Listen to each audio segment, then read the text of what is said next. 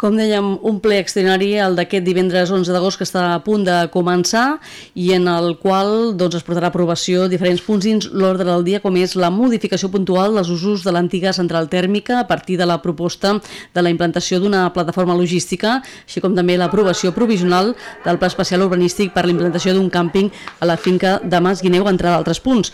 Tenim desplaçat el nostre company Marc Torres, eh, tot just eh, davant mateix del ple municipal. Bon dia, Marc. Hola, bona tarda, Àngels. I explica'ns perquè, a més, en aquest eh, moment també hi havia una convocatòria de la plataforma SOS Planes Litoral, no? en contra de la implantació de la plataforma i també del futur canvi de Mas Guineu. Quin és l'ambient, eh, tot just, davant mateix d'aquest centre social? Doncs bé, mentre estaves tu parlant, eh, la concentració que hi havia just davant del centre social ha fet entrada dins de la sala de plens. Eh, evidentment, no hi ha lloc per tothom i per tant haurem d'estar drets a banda d'entrar amb, una, amb una pancarta que posa SOS per la plana litoral i eh, de fet han entrat en aquesta sala de plens quan està a punt de començar eh, i doncs eh, recordem que han demanat permís per poder parlar del ple i de fet tindran una seva intervenció Ara mateix, doncs, de cop i volta s'ha omplert aquesta sala de plens amb pancartes, banderes, senyals, eh, i, bueno, ha començat aquesta petita protesta que, com dèiem, ja tallava el carrer i que ha acabat entrant dins de la, de la sala de plens. Molt bé, per tant, força gent, pel que dius, no? No hi ha espai al mateix centre social on es produirà doncs, aquest ple extraordinari, eh, tot just eh, avui divendres, que, que també doncs, tenim altres actes festius eh, de festa major, per tant, un ple que tindrà seguiment també pel que genera, no? per aquests punts dins l'ordre del dia, eh, doncs, que han portat eh, doncs, un cert debat al llarg d'aquesta setmana. No? Ens deies, la plataforma SOS Plana Litoral en contra de la implantació de, de la plataforma logística de, que volen doncs, portar a terme aquí Cubelles com a projecte i el futur càmping de Masguineu aquests dos eh, doncs, eh, punts que es debatran pel que fa a les seves aprovacions inicials. Sí, sí, de fet, clar, ara ha entrat tal volum de gent aquí a la sala de plens que doncs, les escales, per exemple, cada plena, el lateral de la sala de plens també està ple, eh, amb aquesta pancarta gran, on s'hi pot llegir aquesta SOS plana litoral i veurem, veurem si pot començar a l'hora. De fet, hauria de començar en menys d'un minut aquest eh, ple extraordinari. Entenc doncs, que ja tothom està doncs, posicionat no? dins aquesta eh, sala, no? el que serien els regidors i regidores de l'Ajuntament de Cubelles, hem pres eh, doncs, sí. seient. De fet, el regidor de la CUP, Dani Pérez, ha estat l'últim entrat, de fet ha entrat amb els manifestants, però ja, ja ha pogut seure i per tant el ple ja està a punt de, de començar. De fet, quan la presidenta, la senyora alcaldessa de Covelles, decideixi, doncs donarà començament a aquest ple extraordinari. Estem esperant que ens arribi aquesta senyal, ara sí. Sembla que tenim doncs, ja l'ambient de fons, per tant, de seguida donem eh, doncs, per aquesta transmissió en directe d'aquesta sessió extraordinària d'aquest divendres 11 d'agost. Estem doncs, pendents d'escoltar ja la veu que ens arribi des del centre social on està prevista aquesta sessió en diferents punts dins l'ordre del dia. Entre d'altres també s'ha d'aprovar provisionalment el pla especial i urbanístic del sector de l'Institut Les Vinyes dels, dels punts doncs, que estan dins aquest ordre del dia. I també hi ha d'haver una modificació de, de pressupost, entre altres qüestions, com dèiem, eh, dos dels temes que també generaran un cert interès l'aprovació de la modificació puntual dels usos de l'antiga central tèrmica a partir de la proposta de la implantació de la plataforma logística i l'aprovació provisional del Pla Especial Urbanístic per la implantació d'un càmping a la finca Mas Guineu. Aquests són els punts dins hora del dia i estem doncs, pendents d'aquesta connexió. Benvinguts a tothom. Anem a iniciar el ple 2023 barra 9 de la legislatura 2023-2027 en sessió extraordinària, el número de ple 2023 barra 9. El primer punt és aprovació provisional del Pla Especial Urbanístic per la implantació d'un càmping a la finca de Masguineu al terme municipal de Cubelles. El 19 de gener del 2018 es va aprovar inicialment el Pla Especial Urbanístic per Junta de Govern per la implementació d'un càmping a la finca de Masguineu. Un cop emesos els informes sectorials i municipals, es proposa ara a l'aprovació provisional corresponent a l'aprovació definitiva a la Comissió Territorial de l'Urbanisme del Penedès. Faré una mica de cronologia dels fets perquè tothom sàpiga el que parlem. L'1 d'octubre del 2016, Vilanova, la societat Vilanova Park ens va presentar el projecte d'instaurar un càmping a la zona de Masguineu. Aquesta proposta va ser benvinguda pel govern, ja que suposava la creació de 100 llocs de treballs directes, coberts sempre que hi hagués disponibilitat en personal de la població, a banda dels indirectes, també a banda dels tributs i l'impacte econòmic que suposaria això per la nostra població. Al gener del 2018 es va aprovar inicialment el Pla Especial Urbanístic per Junta de Govern. Posteriorment, la Generalitat va acordar una moratòria de suspensió i tramitació d'aquests tipus de plans especials i llicències d'activitat de càmping, mentre es redactava un pla director urbanístic que regulés activitats de càmping amb sol no urbanitzable. En període de delegacions van presentar-se l'Ajuntament de Cunit i AMPA, que se'ls van resoldre ja les eh, al·legacions. Un cop emesos els informes sectorials i municipals, es proposa ara, com he dit abans, l'aprovació provisional corresponent, que és la definitiva a la Comissió Territorial d'Urbanisme. Senyora secretària, pot llegir els acords, sisplau?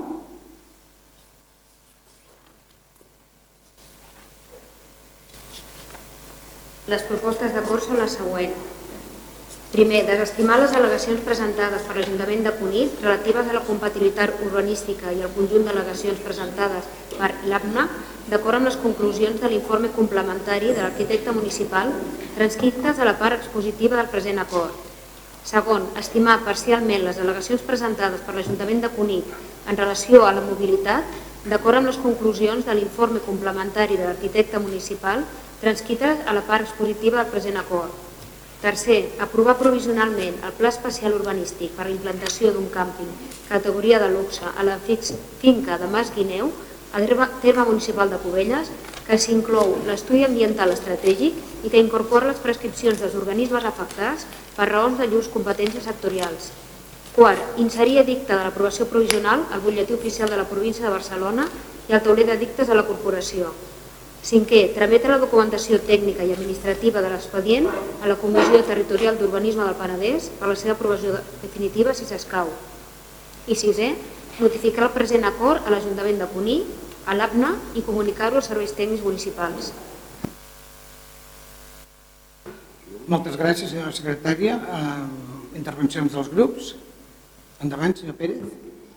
Bona tarda a tothom i gràcies a totes les companyes i companys que de veritat es preocupen pel medi ambient i el patrimoni de Cubelles. Gràcies per venir avui. Uh, bueno, a part de semblar, a part de ser honrats, ho haurien de semblar no també i actuar d'aquesta manera un ple urgent, extraordinari, al mes d'agost, quan en comissió informativa vostè, senyora alcaldessa, em va dir que era per, per avançar temps i que això s'hagués pogut fer al setembre, doncs aquí ja tenim un primer despropòsit, no? Portar aquests punts d'aprovació amb un ple extraordinari en plena festa major, que d'aquí una hora hem de sortir amb els balls populars els que hi sortim, perquè clar, evidentment aquí no tothom participa de la cultura de Covelles, eh, doncs són coses que, que, que el poble està dividit i que, i que s'han de treballar amb més consens i, i amb més informació. No? no pot ser que la informació que, que rebi la ciutadania sigui parcial, estigui esbiaixada, i que, i que, bueno, que al final és una cosa que voleu aprovar tres o quatre dels d'aquí i que la resta aixequeu la mà pues, per donar suport als companys de govern. No?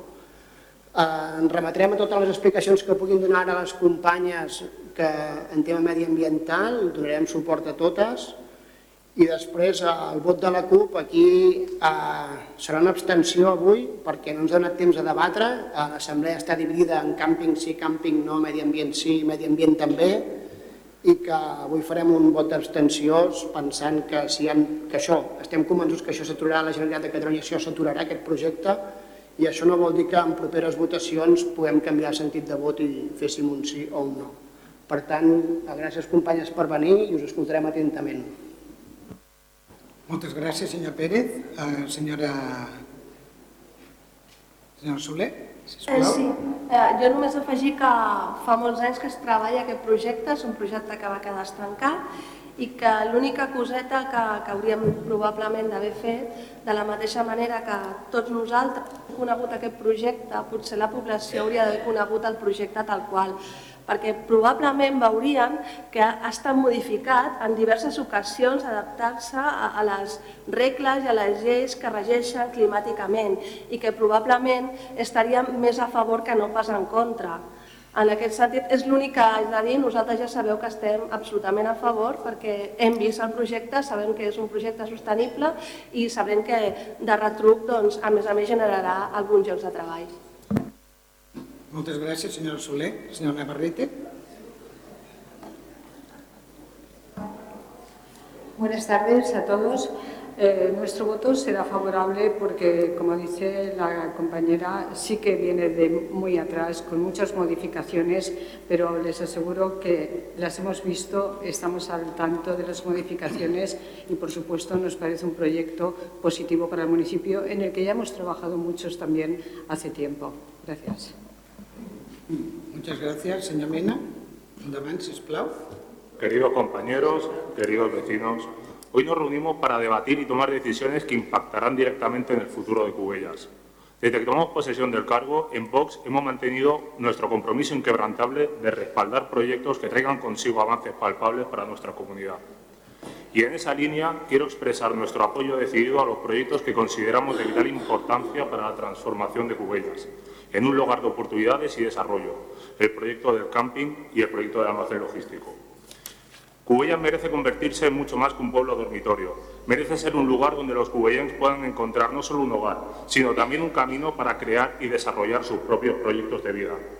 En este sentido, la apertura de un camping y la instalación de un almacén logístico representan pasos sólidos en la dirección correcta.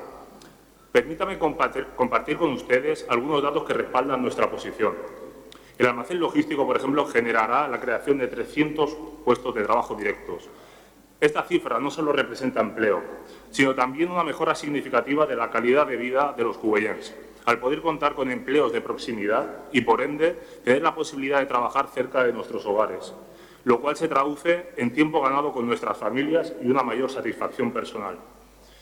Además, no debemos pasar por alto el impacto económico que estos proyectos puedan tener en Cubellas. Los beneficios generados podrían ser reinvertidos en mejoras en los servicios públicos que tanto necesitan nuestros vecinos. Imaginemos calles más seguras, espacios verdes mejor cuidados a la construcción de un gimnasio municipal y piscina cubierta. Además, la viabilidad económica de estos proyectos podría allanar el camino para una posible reducción de impuestos en el futuro, aliviando la carga financiera de los cubellanos. Es fundamental que el Ayuntamiento asuma un rol proactivo en este proceso de transformación. Debemos promover activamente la formación necesaria para que nuestros ciudadanos puedan acceder a los empleos generados por estos proyectos.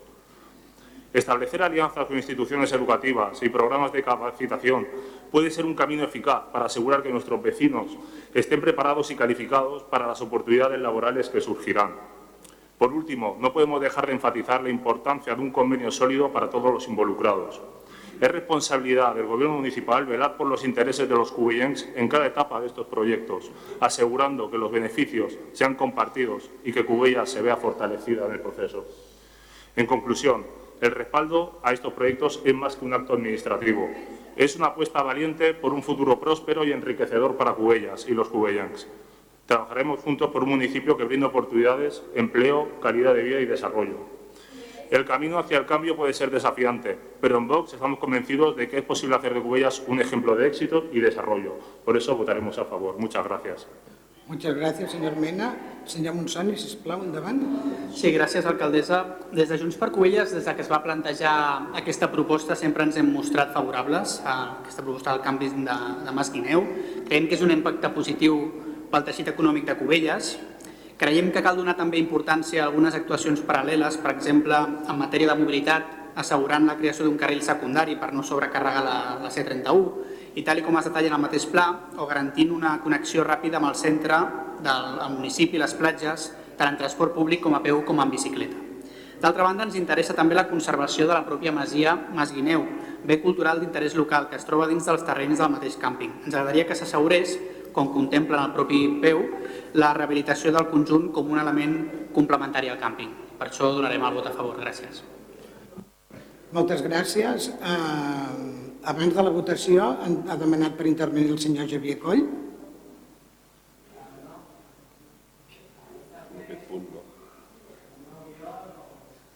Amb el del càmping, no? El, el, el senyor Oriol? Val. Ho teníem, no, no ho teníem entès així, però bueno. No, no, no passa res, no hi ha cap problema, eh? Sí. Esther, què? Sí, primer es fa la intervenció dels grups polítics i al final la intervenció de l'entitat que ho ha sol·licitat. Un momentet, sisplau, que vol intervenir el regidor de Participació Ciutadana. Un moment, Oriol. No, intervenció és en relació al comentari que ha fet la, la senyora Soler en què el projecte no ha estat comunicat debidament a la ciutadania. Eh, aquí li dono la raó i agafem la, la, la benentesa per, per mirar-ho de que aquest projecte arribi a la ciutadania i quan han arribat tots els projectes que tenim pendents des d'aquest govern. Gràcies. Sí, sí. Gràcies. A veure, eh, doncs molt bona la proposta de, de presentar aquest projecte a la ciutadania. Sí que m'agradaria que, que hagués pogut afegir vostè que, que s'anunciarà amb temps suficient, amb una data que la gent pugui participar-hi i no com es va fer del centre logístic d'un dia per l'altre, solapant actes de festa major perquè la gent no hi pogués participar. Uh, I seria d'agrair per la ciutadania que així ens podien tenir més informació. Per altra banda, aquí s'està parlant de llocs de treball que segurament se'n generaran i em sembla que el senyor que ens va fer la presentació als regidors va ser molt honest quan se li va preguntar aquest fet i va dir que sí, que hi haurà llocs de treball i que contractarien la gent més vàlida per aquests llocs. En cap cas va assegurar que serien llocs per Cubelles, vull dir que agafarien els perfils d'on fos i que encaixessin en el seu projecte de negoci, no, no que serien llocs de treball per Cubelles. Endavant, senyor Millan, sisplau.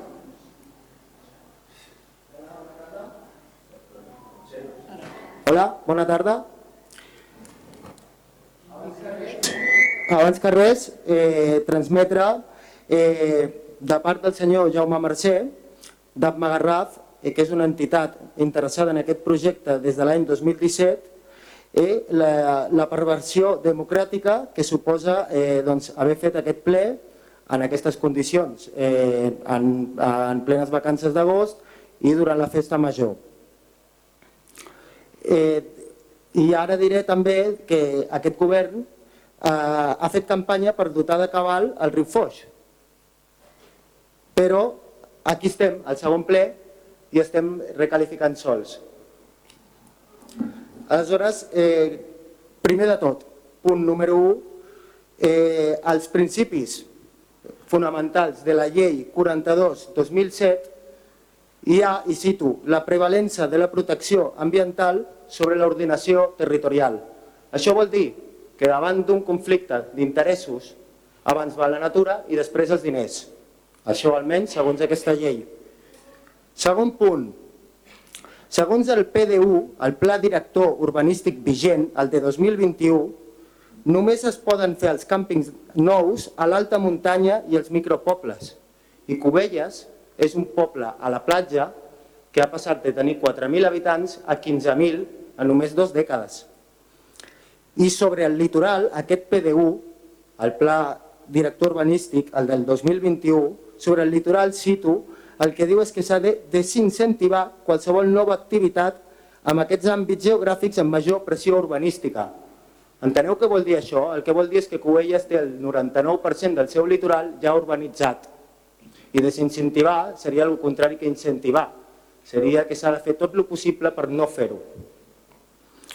Sobre aquest projecte, el projecte del càmping de Mas Guineu, aquest càmping de luxe, nosaltres diem que es vol aprovar doncs, seguint un pla d'ordenació urbanístic de 1993. De 1993, que fa 30 anys.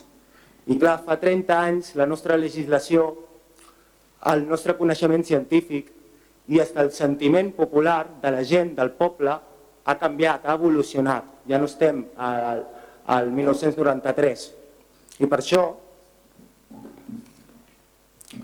per aquesta raó, aquest pla, aquest projecte d'aquest càmping, que, que eh, suporta en un pla que està obsolet, considerem que està desfasat i que no té una avaluació ambiental que es pugui considerar vàlida i per tant s'hauria de tornar a fer. Us posaré uns exemples sobre aquest projecte que dieu que heu vist i que us ha agradat tant. I que és tan sostenible i que, per exemple, per començar, el primer que he vist és que ignora totalment l'existència de l'única població d'Alzina Carrasca de tot el municipi de Cubelles. Ni la menciona, parla de pins i de barrufers.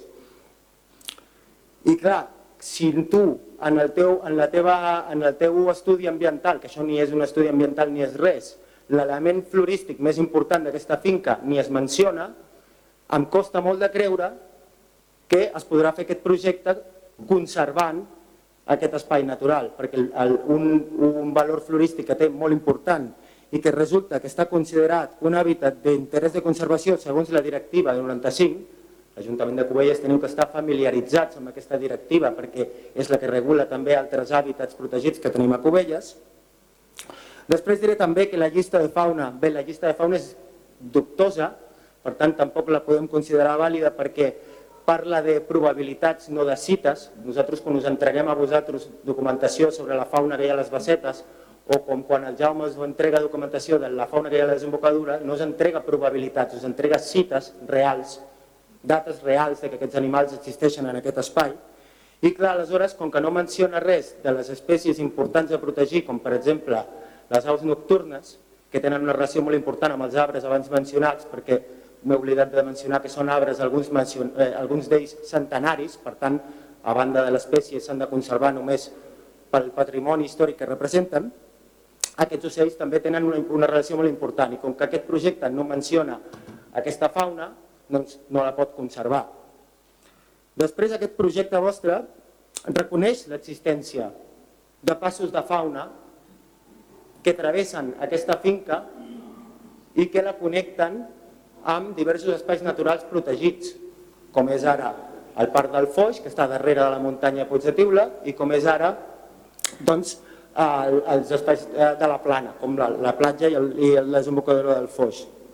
Però no ofereix una solució satisfactòria que no alteri aquesta connectivitat. És a dir, el projecte parla de posar una tanca, i aquesta tanca no, eh, no planteja cap possibilitat de que parts d'aquesta tanca siguin permeables a aquesta fauna. Senyor. Sí, se m'acaba el temps, perdoneu. Que vagi acabant. En definitiva, que el disseny proposat eh, fragmenta i modifica aquest hàbitat i per aquestes raons demanem que es suspengui l'aprovació d'aquest càmping de luxe fins que es fagin les revisions pertinents d'acord amb la normativa vigent i així poder conservar el nostre patrimoni natural i històric. Moltes gràcies. Moltes gràcies.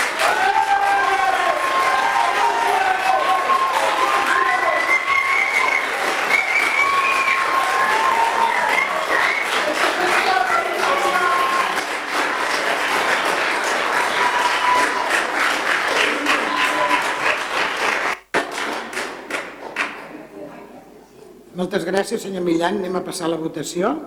Vots a favor? Abstencions? Moltes gràcies. Com queda la votació, senyora secretària?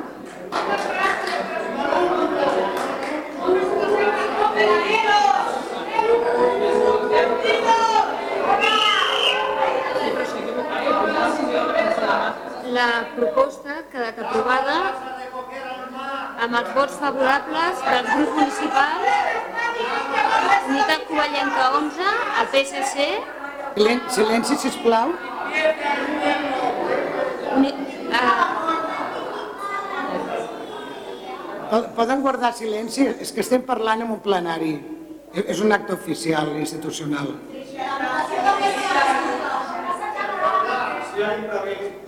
Endavant, senyora secretària. Bueno, la proposta queda aprovada amb els 16 vots favorables corresponents als grups municipals d'Unitat Covellenca 11, el PSC, en Comú Podem Confluència, Esquerra Republicana de Catalunya, Partit Popular de Catalunya, Vox i Junts per Covelles, cap vot en contra i l'abstenció del grup municipal de la CUP.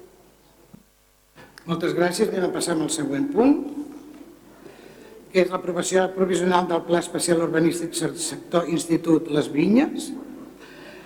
El el juny del 2015 es va recuperar l'expedient del nou Institut Les Vinyes, en data, faig un petit resum, eh? en data del 27 d'abril del 2022 es va aprovar inicialment aquest pla parcial per Junta de Govern, un cop emesos els informes sectorials i municipals corresponents, es proposa ara l'aprovació provisional corresponent a l'aprovació definitiva de la Comissió Territorial d'Urbanisme del Penedès. Eh, ja, ja, tenim la, ja disposem de la sessió anticipada, la, la Generalitat ja disposa de la sessió anticipada d'aquest terrenys. Amb aquest tema no es van presentar al·legacions. Senyora secretària, pot dir els acords, si plau? Les propostes d'acord són les següents. Primer, aprovar provisionalment el Pla Parcial Urbanístic sector Institut Les Vinyes, presentat pel promotor en data 23 de juny de 2023, amb registre d'entrada número 2023 barra 11.751. Segon, inserir a dubte de l'aprovació provisional en el butlletí oficial de la província de Barcelona i al web i tauler de dictes de la corporació, Tercer, trametre la documentació tècnica i administrativa de l'expedient a la Comissió Territorial d'Urbanisme del Penedès per la seva aprovació definitiva, si s'escau. I quart, notificar aquest acord als interessats i comunicar-ho als serveis tècnics municipals. Moltes gràcies. Anem a donar torn de paraules. Senyor Pérez, sisplau, endavant.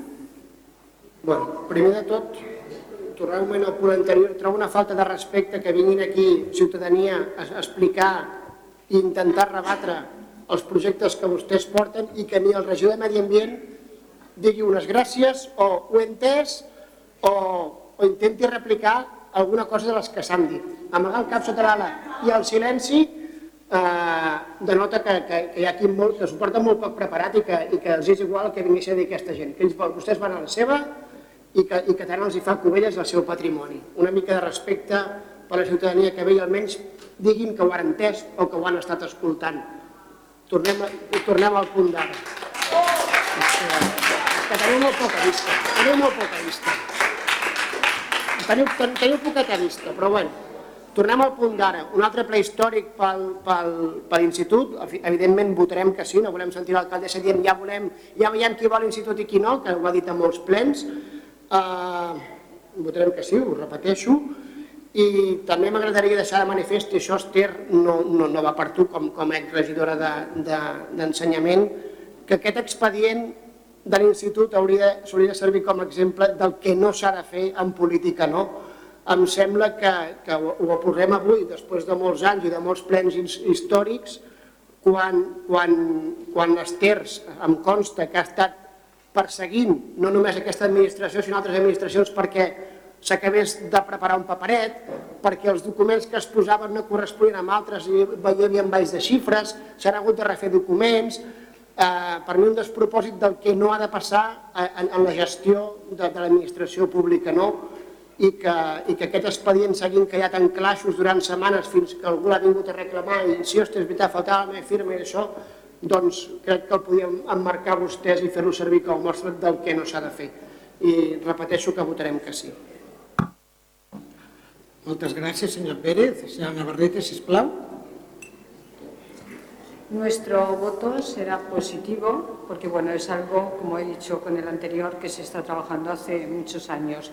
Pero aprovecho este momento porque me sorprende, me sorprende que realmente en algo tan importante como el instituto y tal, en los presupuestos de la Generalitat aprobados muy recientemente, pues ningún grupo de los que están aquí presentes presentó ninguna alegación.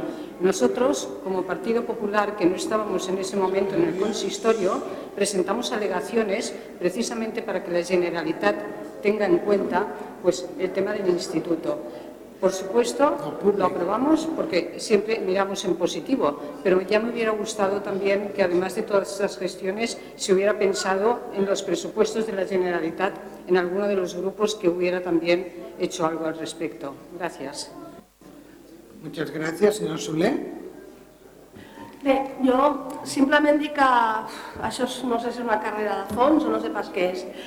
Eh, a quan a les administracions dels pressupostos eh, hem, fins ara, fins fa uns mesos, hem estat molt estretament treballant amb la Generalitat per tenir un lloc destacat dintre dels propers, sempre dels propers pressupostos.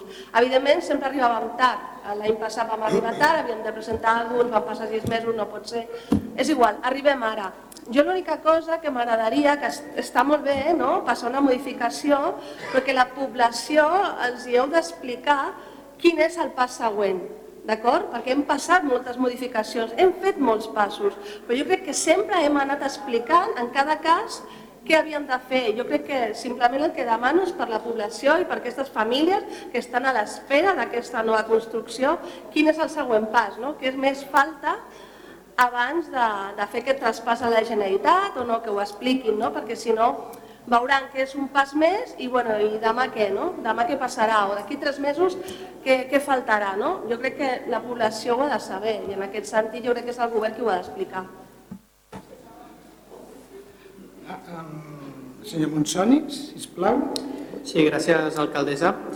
La proposta que porten a ple suposa un pas més per tenir el nou Institut Les Vinyes més a prop. Alumnes, professors i famílies porten molts anys esperant el nou institut i és important accelerar els tràmits per construir el nou edifici. Junts per Covelles ens cridava l'atenció dues qüestions. Una, el risc d'inundabilitat de la proximitat del torrent del cementiri i la construcció d'habitatges paral·lela a la construcció de l'institut. Pel que fa als habitatges, celebrem que dels 99 projectats, 30 siguin de protecció oficial, contribuint així a augmentar l'oferta pública d'habitatge. Pel que fa al torrent, el projecte contempla la confecció d'unes terrasses fluvials i deixar uns espais laterals lliures per assegurar que un possible desbordament del torrent no afectés l'equipament. Des de Junts per Covelles valorem positivament la solució i demanem al govern que asseguri que es prenen en consideració altres recomanacions com l'ús dels paviments permeables i drenants. Nosaltres sempre hem estat a favor de la construcció del nou institut i per tant hi votarem a favor. Gràcies. Moltes gràcies, senyor Montsant i senyor Mena. No vol intervenir? Bueno, jo li voldria respondre a la regidora Soler pues, que aquí amb els acords posa el següent, els següents passos que, hem de, que vostè també disposa de la informació i el més important és que el govern d'Esquerra Republicana ens l'inclogui dins els pressupostos de l'any 2024. Aquest és el, és el pròxim pas. Sí, sí, sí, pot. Doncs aleshores entenc que signaran un conveni, no? O ja l'han signat? No, no l'han signat el conveni. Tenen, el, tenen la sessió. Sí? Sí, eh, per, per al·lusions a, a tothom. Eh, senyor Pérez, eh, no hem agraït l'assistència, que l'agraïm ara perquè segons, segons el reglament de participació ciutadana, quan parlen a les persones que, que volen intervenir, immediatament després es produeix la votació. Mm, evidentment agraïm la gran participació que ens agradaria que no només fos en aquest ple, sinó que a tots els plens la, la ciutadania participés. Jo també personalment li vull agrair l'abstenció i el vot favorable en aquests moments, l'abstenció anterior, diguéssim, i la, i la votació favorable. Respecte a la intervenció de la senyora Soler, eh, jo li explico. Jo he, he demanat, sap que vostè que s'han desplegat els serveis de la vegueria eh, als serveis territorials, entre ells el servei d'ensenyament, de, que ara mateix està de forma provisional a Vilanova però s'ha de traslladar a, al Vendrell. Jo he demanat hora amb el nou director, amb el nou delegat territorial eh, per parlar d'aquest tema, per veure quan s'inclourà la partida del, del que és el projecte del nou institut, que esperem que sigui el 2024 i que l'execució sigui el 2025. Eh, efectivament s'ha de signar un conveni i per tant doncs, hem demanat hora amb el delegat perquè ens expliqui exactament quins són els següents passos per poder tirar-ho endavant.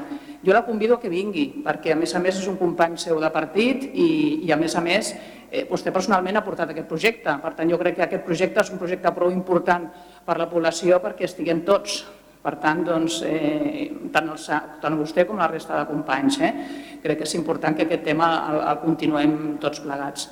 I no sé si m'ha quedat alguna cosa més per contestar, però bàsicament li volia explicar tot això. Gràcies. Moltes gràcies, senyora B. Doncs. Bueno, doncs, si no hi ha cap més paraula, anem a passar a la votació. Vots a favor? S'aprova per unanimitat? Moltes gràcies a tots i a totes. Anem al proper punt.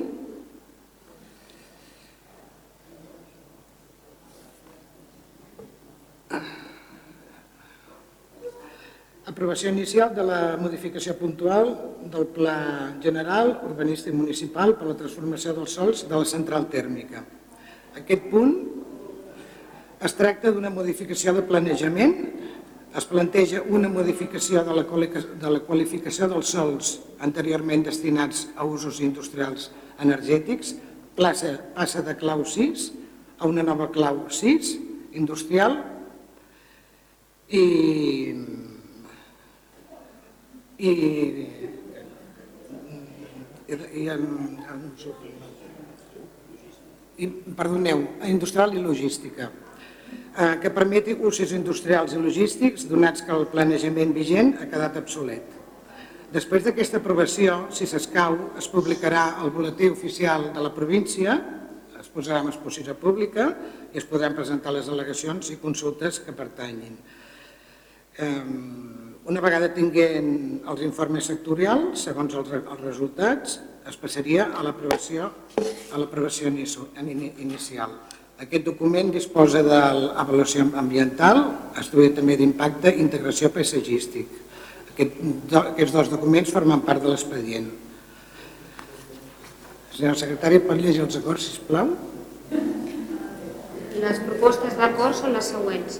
Primer, assumir la iniciativa pública d'acord amb allò establert a l'article 101.3 del Terra Fos de la Llei d'Urbanisme i aprovar inicialment la proposta de modificació puntual del Pla General d'Ordenació Urbanística Municipal per a transformació de sols de la central tèrmica de Cubelles, redactada per OUA, Gestió del Territori i Urbanisme SL, i presentada per Promoci SA, en data 26 de juliol de 2023, amb registre d'entrada número 2023 barra 14016 Segon, sometre a informació pública aquesta modificació puntual mitjançant la publicació d'anuncis al butlletí oficial de la província de Barcelona, en un dels diaris de major difusió de la província i al tauler electrònic de la corporació, a efecte de possibles consultes, al·legacions i o reclamacions, per al termini d'un mes a comptar des de la darrera publicació obligatòria.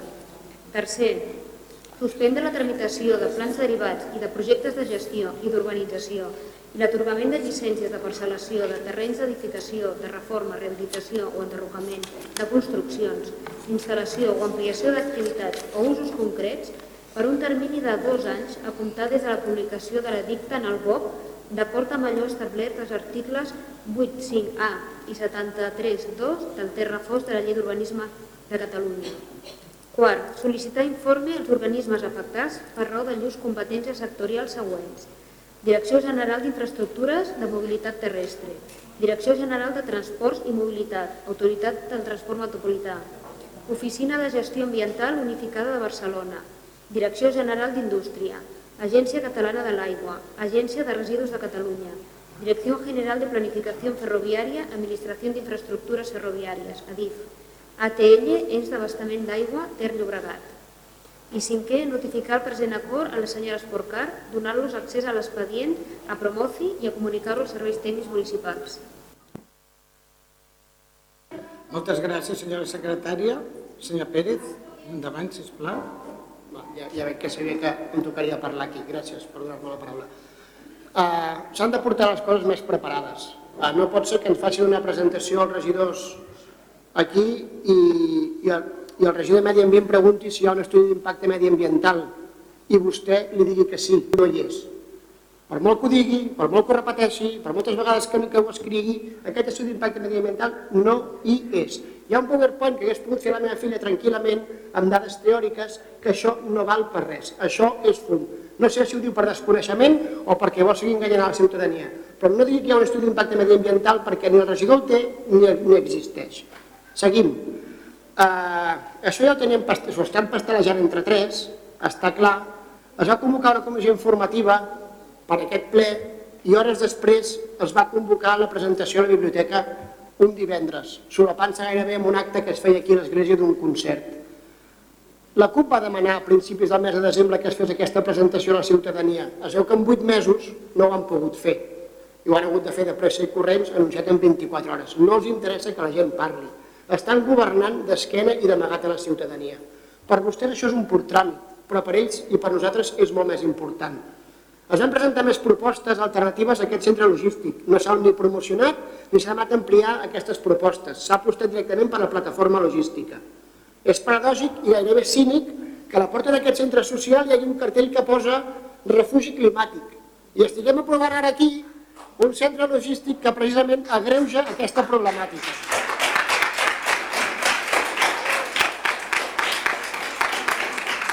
També és un autèntic contrasentit que s'hagi iniciat el tràmit de construcció d'una desaladora pensada per combatre la sequera generada pels efectes del canvi climàtic i que paret en paret estiguem construint un centre de mercaderies que accelerarà i agreujarà aquest fet. Que per moltes accions que duguem a terme individualment és la indústria la que ha de fer els grans canvis de la mà de l'administració per revertir el que, es, el, el que es pugui aquesta situació. La noia que va presentar això a la biblioteca va dir que la logística contribuïa al benestar del medi ambient i això és fals no, no cal que ho diguin perquè és, és que no s'ho creu ningú. Els acords de París estableixen que s'ha de reduir el 90% del transport per carretera abans del 2050 i aquí construïm una plataforma logística que, que, que, que augmenta el transport per carretera. Recordar que qui, voti a favor que qui voti a favor que el canvi climàtic és una realitat. I tot i que a Covelles ja estem acostumats a aquests despropòsits, Unitat Covellenca sempre ha estat pionera en aquestes polítiques negacionistes. I ara parlem de dades, perquè aquí s'ha venut un projecte milionari i inflant dades, manipulant dades i amb dades falses. Document de sostenibilitat econòmica, seguit per vostès que està, que està simplifica i que hi ha aquestes dades. Aquí s'ha venut un projecte molt milionari que posa que els ingressos totals derivats, llegeixo literalment, eh? els ingressos totals derivats del desenvolupament del sector s'estimen en 255.000 euros anuals, que això és el que rebrà l'Ajuntament doncs, en concepte d'IBI però hi ha unes despeses derivades del, del desenvolupament d'aquesta activitat, que s'estimen en 81.438 a 91 cèntims. Despeses del tipus de superfície afectada al sector, despeses de serveis, seguretat i mobilitat, etc etc. Per tant, això ens porta un balanç net a Cubelles, ojo, el, el, el, el projecte milionari de 174.528 euros. Aquest és el preu que ha posat el nostre govern, a la nostra seguretat i a la nostra salut i al nostre medi ambient. 174.528 euros. Ojo! Alerta! Que això és menys de la meitat del que s'han apujat el sou aquests cinc regidors aquest any.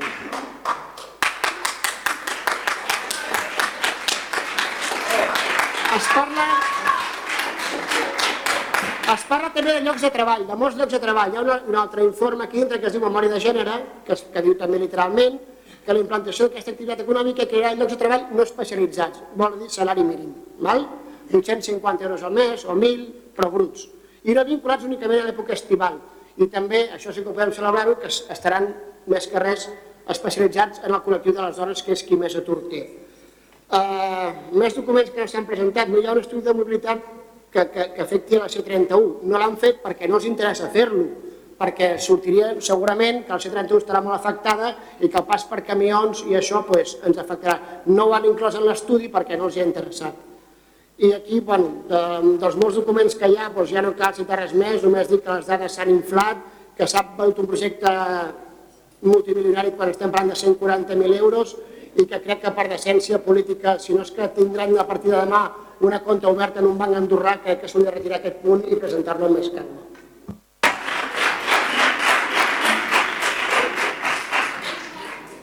Moltes gràcies, senyor Pérez.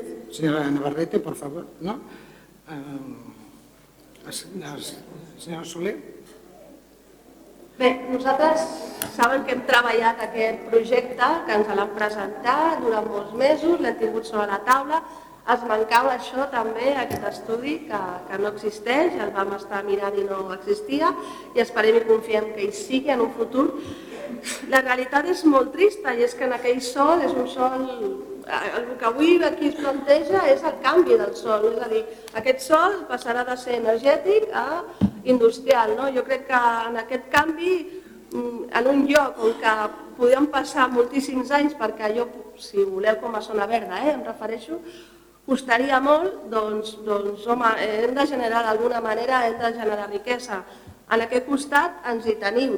Ens trontollen moltes coses. A quan a la C31, perquè ho has comentat tu, eh, la cosa a nosaltres ens han explicat no? que això ens ve d'un estudi no? dels serveis territori, de, de, territori, de territori de la Generalitat que faran unes prohibicions per transitar per la C31. Vull dir, clar, si això no és així o no serà o deixarà de ser, això no ho sé nosaltres, no sé, tampoc no som decisius, nosaltres ens podem abstenir tranquil·lament perquè ja tenen prou majoria absoluta per, prou majoria, perdó, absoluta, per poder tirar endavant, però canviar aquest sol d'una manera o una altra per generar riquesa no ens sembla malament.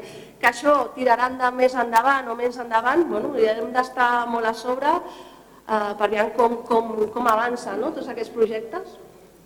Moltes gràcies, senyora Soler. Senyor Monsoni, endavant. Gràcies, alcaldessa.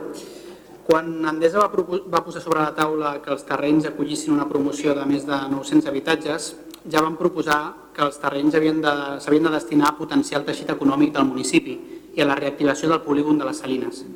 Aquesta segueix sent la nostra proposta pels terrenys de la tèrmica, la qual passa per la requalificació de l'espai de sol energètica industrial. Al marge del projecte final que ocupi l'espai, coincidim en la necessitat de recalificar aquest terreny ja que per acollir qualsevol tipus d'activitat econòmica cal que els terrenys deixin de ser d'ús energètic. Gràcies. Moltes gràcies. Hem convidat amb el nostre arquitecte per si teníem alguna dubte i no sé si vol aclarir alguna dubte respecte o, o esperem que parli el, el senyor Mena. Senyor Mena, endavant.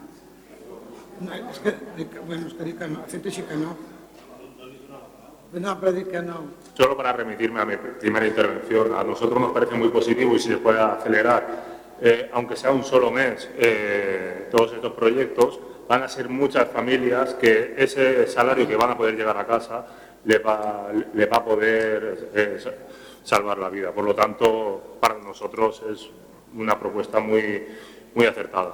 Nada más. Moltes gràcies.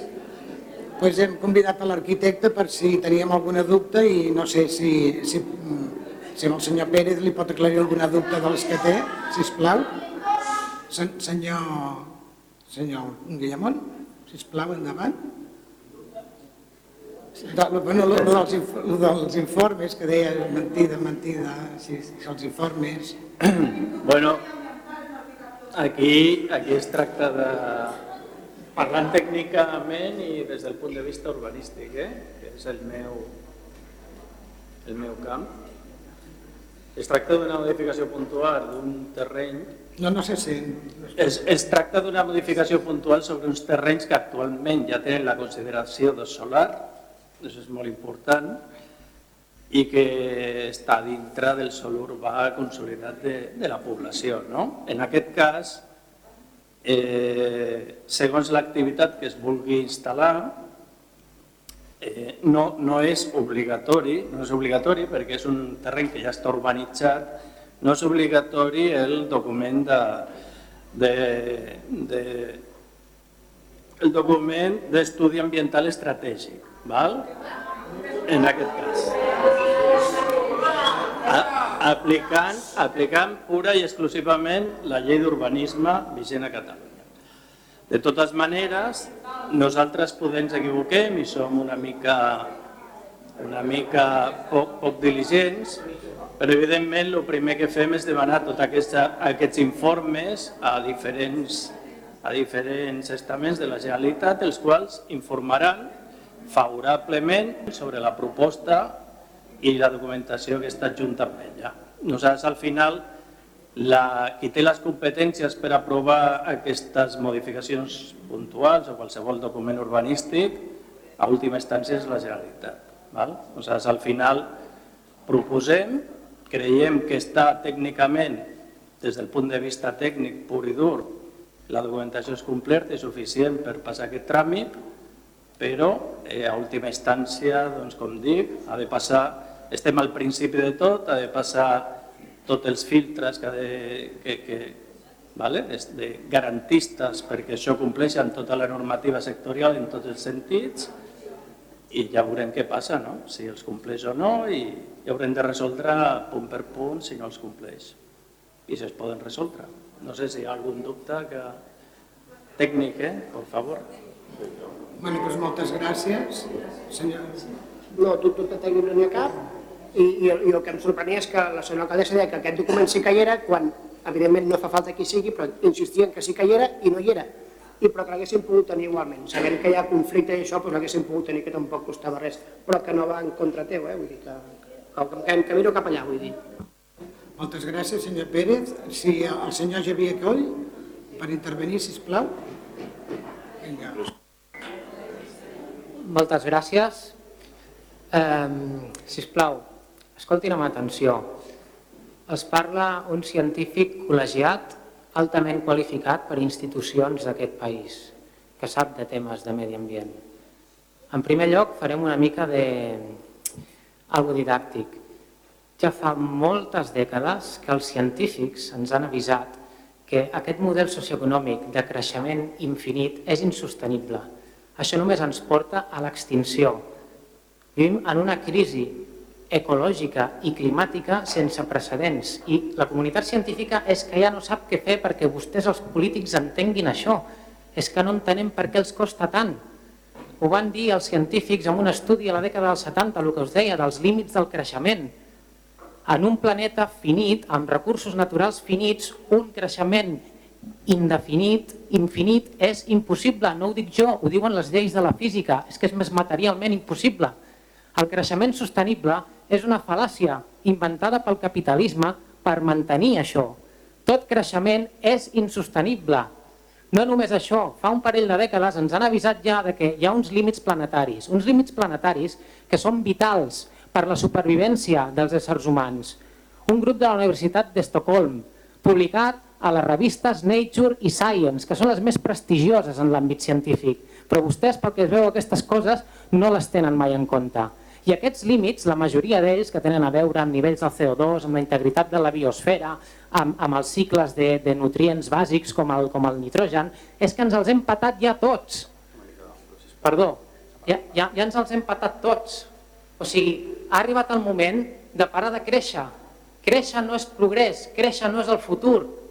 Hem de parar ja, stop. No es pot créixer en cap més àmbit el que té valor de veritat és el patrimoni natural i no quatre bitllets mullats, d'acord? Això,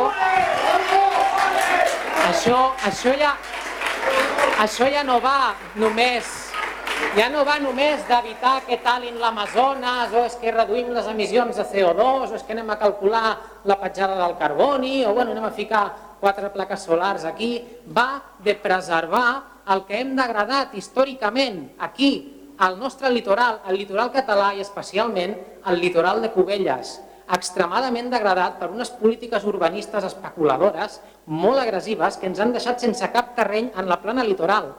Tot això i el vostre projecte va en contra de les, les, les directives europees que han intentat aplicar aquesta filosofia als científics. Directives europees que han de conèixer, com ho ha dit abans l'Oriol, com la directiva Hàbitats, la directiva AUS, eh, lleis estatals com la del patrimoni natural i la biodiversitat, lleis catalanes com la del canvi climàtic i la de protecció i ordenació del litoral. Se'ns presenta una oportunitat aquí, estem d'acord, amb uns terrenys que ja estan obsolets amb la seva qualificació, estem d'acord, però agafem-los i aprofitem-los per recalificar-los i recuperar el que ens van prendre. Fem una restauració ecològica. El Geven ho ha fet al Vendrell, a les Madrigueres. A Vilanova ho faran a les Salines, a la platja llarga ho rehabilitaran. Nosaltres tenim aquesta oportunitat, però nosaltres no, ens tapem les orelles, no escoltem a la comunitat científica, no fem cas dels principis que inspiren totes aquestes lleis i intentem perpetrar aquest model socioeconòmic que ens porta a l'extinció. I com ens ho justifiquen? Amb que aquest parc tindrà quatre plaques solars, estarà cobert amb unes plantetes, els camions no es veuran perquè aniran directament a la C32 Sembla ser que la C32 no és part de Cubelles, perquè allà contaminaran igual, però bueno, suposo que l'aire s'ho cap a Cunit o, o no sé. I d'altra banda, amb, amb, amb tot el respecte cap al senyor arquitecte, que jo no tinc idea d'arquitectura, però sí de temes de medi ambient, existeix la llei d'avaluació ambiental, 21 barra 2013, llei d'avaluació ambiental. Doncs una cosa és el que diu la llei d'urbanisme i l'altra és el que diu la llei d'avaluació ambiental. I la llei d'avaluació ambiental és posterior a la d'urbanisme i a més és d'aplicació a tot l'àmbit de l'Estat, perquè la competència en medi ambient és exclusiva de l'Estat espanyol. I Catalunya l'únic que pot fer és augmentar aquesta protecció, però en cap cas pot ser menor. Doncs aquesta llei especifica molt bé com s'ha de portar a terme una avaluació d'impacte ambiental estratègica, en quins casos, i aquí, en aquest projecte, també s'ha de fer. I s'ha de fer l'avaluació ambiental estratègica sobre la modificació del pla, que és on aplica, sense perjudici que després també és obligatòria l'avaluació d'impacte ambiental del propi projecte. I les dues han de ser ordinàries pel mateix motiu, que ja descobriran quan les delegacions. Moltes gràcies.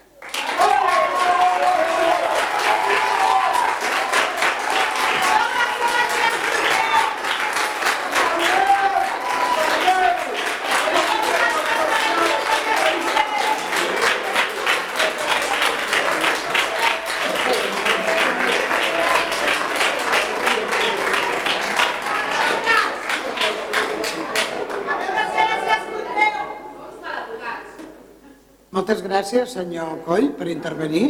Li voldria fer una pregunta amb el nostre arquitecte, que el tinc aquí.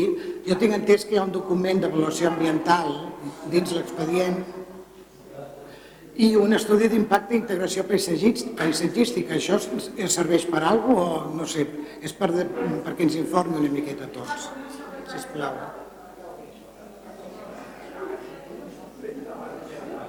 Vinga.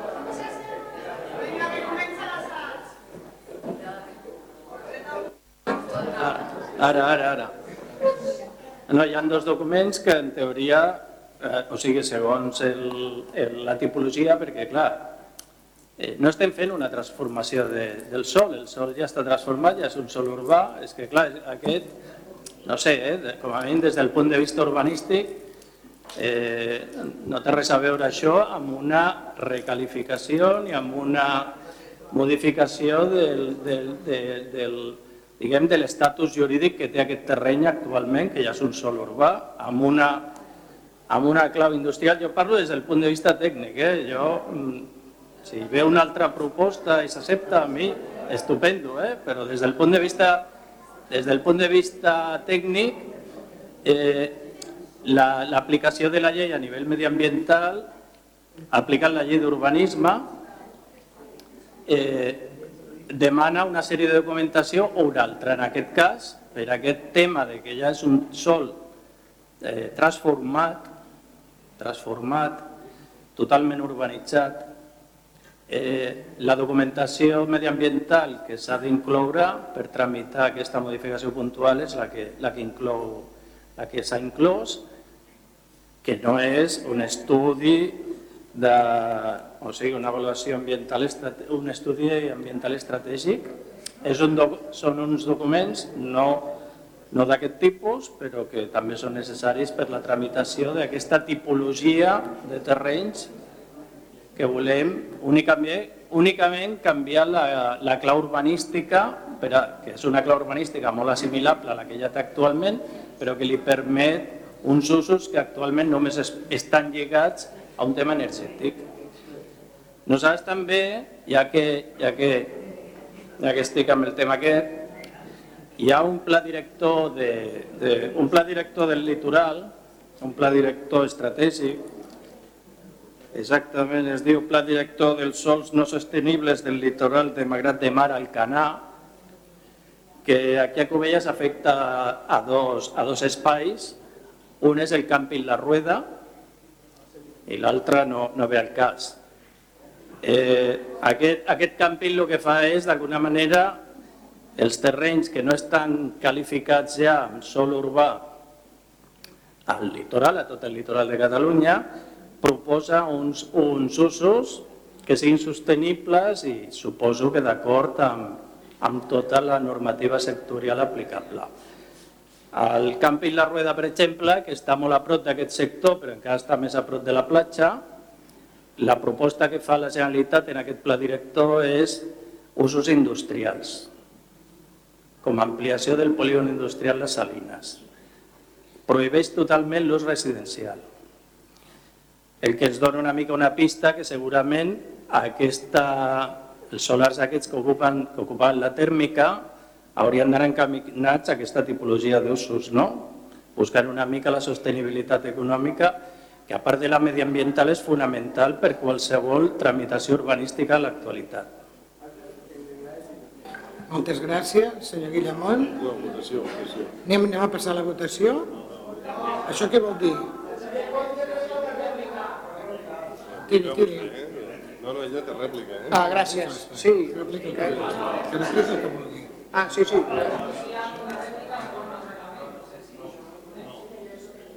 Va, parli, parli. Sí, que se'ls menja... Vale, moltes gràcies. També, també per aclarir, vull dir, no és que em vulgui barallar amb el senyor, no? Vull dir, jo també m'he llegit la llei d'urbanisme i m'he llegit doncs, la llei d'avaluació ambiental i els repeteixo, eh, pel principi de jerarquia normativa, la llei estatal d'avaluació ambiental 21 barra 2013 està per sobre de, del text reforç de la llei d'urbanisme que era del 2006 i del seu, el decret que, regu, que regula el seu funcionament que és del, del 2006. Eh, llavors, sí, a la llei d'urbanisme i en el seu reglament hi ha un seguit de documentació relacionada ambiental que s'ha de realitzar en qualsevol modificació de, de, que pertoqui, allà està ben estipulat. Però això no exclou el que s'hagi de fer segons el que diu la llei d'avaluació ambiental 21 barra 2013. I el repeteixo, és molt clara la llei 21 barra 2013 en relació a que ha de patir, per exemple, una avaluació estratègica eh, ambiental ordinària. Entre ells, per exemple, les modificacions de plans, perquè aquí estem parlant de la modificació d'un pla.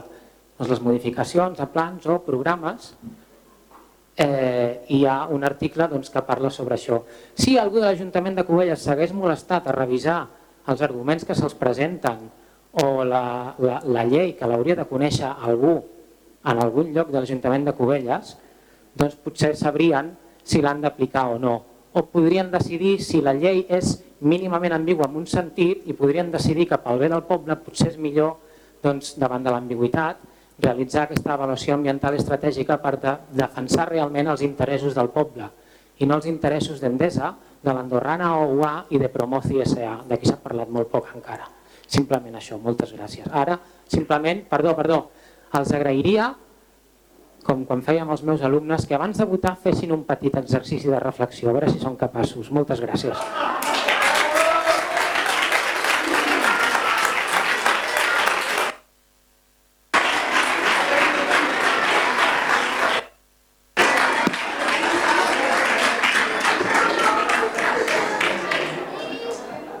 Gràcies. Uh, per acabar, ara és quan els tocaria respondre amb el company si, si, si els va bé fer-ho. I per resumir, uh, si aquest centre logístic s'estigués fent a Cunit o al Prat de Vilanova, segurament haguéssim fet un ple extraordinari per, per, per, per, per, per concentrar les mobilitzacions i anar-hi en contra. Però vostès per 146.000 euros ja ho tenen tot fet. Moltes gràcies. Re- Repeteixo, senyor Coll, per la seva intervenció i anem a passar a la votació. Vots a favor?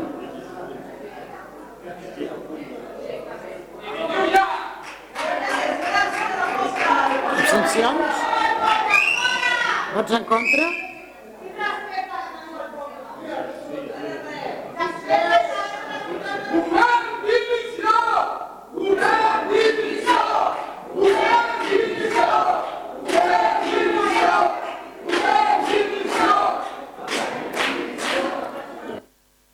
pot dir la votació, senyora secretària, sisplau?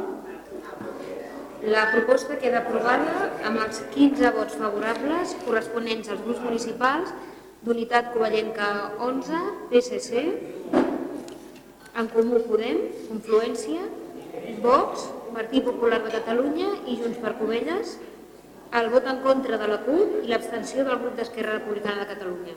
Moltes gràcies. Anem a passar al següent punt. Aprovació de la modificació del pressupost expedient 1631 barra 2023 guió 661. Es proposa l'aprovació inicial de l'expedient de modificació de crèdit número 15 barra 2023, modalitat suplement de crèdit compte 413, finançada en romanent líquid de tresoreria derivat de la liquidació de pressupost de l'exercici 2022 per un import de 651.000 0,88 cèntims, 88 euros amb 17 cèntims. Senyora regidora, després li demanem els acords a la secretària. Moltes gràcies, alcaldessa. Doncs presentem una modificació de crèdit, la número 15 barra 2023, per la modalitat suplement de crèdit. En data 16 de maig del 2023, mitjançant el decret d'alcaldia número 2023 barra 676, es va aprovar el romanent de tresoreria per a despeses generals de l'exercici 2022 amb un resultat de 8.400.325,12 euros. La Direcció General de Política Financera, Assegurances i Tresoreria de la Generalitat de Catalunya, mitjançant l'apartat 13 de la nota informativa sobre el règim de tutela financera dels ens locals, estableix els criteris d'utilització del romanent de tresoreria per a despeses generals a signe positius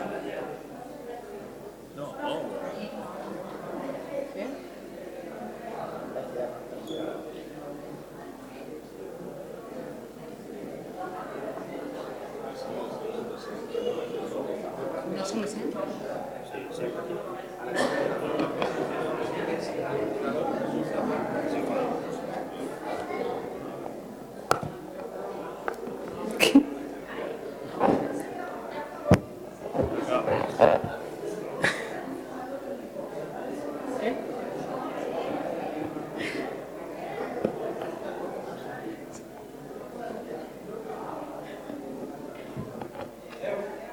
Vinga, acaba i ja està. va. Sí? Tiro milles? Ja. Continuo? Avant, sisplau. Doncs el que diu la Direcció General de Política Financera i Segurances i Tresoreria de la Generalitat de Catalunya, mitjançant l'apartat 13 de la nota informativa sobre el règim de tutela financera dels ens locals, estableix els criteris d'utilització del romanent de tresoreria per a despeses generals de signe positiu, que és la que presentem en aquest ple.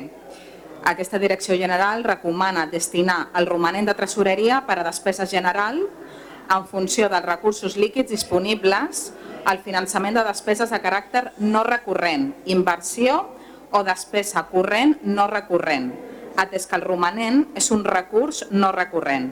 En caràcter previ, cal tenir en compte els criteris generals d'utilització del romanent de tresoreria per a despeses generals de signe positiu, que es detallen a continuació.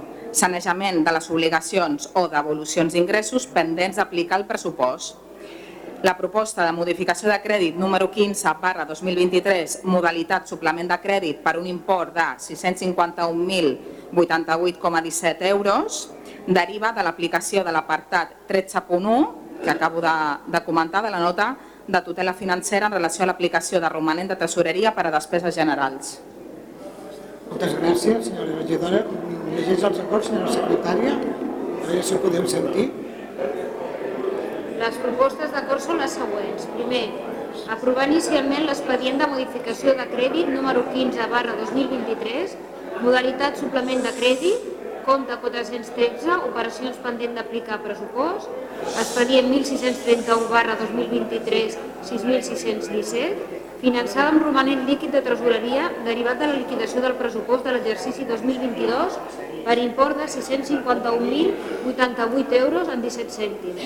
Segon, exposar al públic els presents acords pel termini de 15 dies a comptar des del dia següent a la publicació del corresponent edicte al butlletí oficial de la província de Barcelona, període durant el qual les persones interessades podran examinar l'expedient esmentat i presentar reclamacions davant del ple.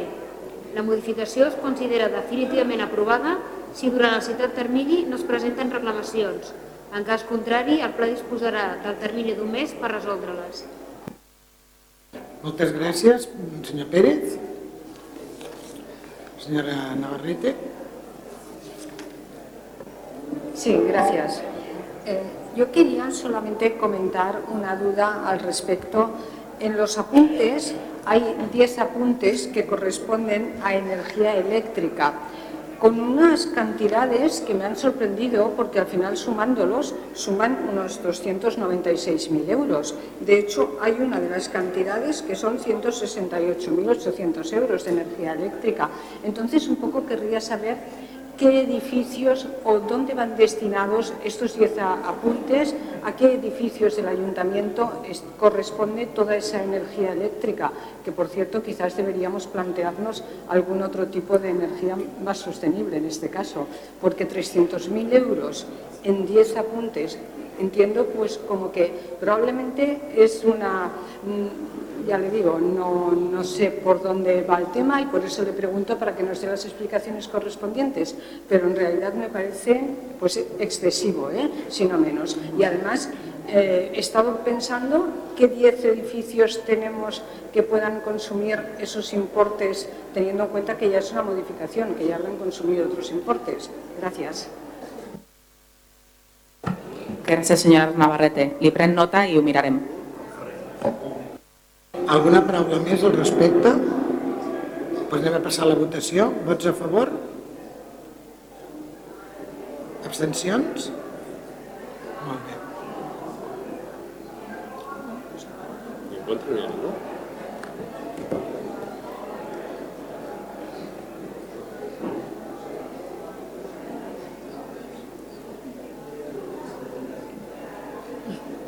La proposta queda aprovada amb els vots favorables dels grups municipals Unitat Covellenca 11, Partit Socialista de Catalunya, En Comú Podem Confluència, Vox, Esquerra Republicana de Catalunya i la CUP, cap vot en contra i l'abstenció del grup municipal del Partit Popular de Catalunya. Bé, doncs moltes gràcies. Agrair a les persones que han marxat per la seva presència, les persones que han intervingut, el públic que queda, a tots els regidors i regidores, els mitjans de, de comunicació i molt bona festa major a tothom. Gràcies.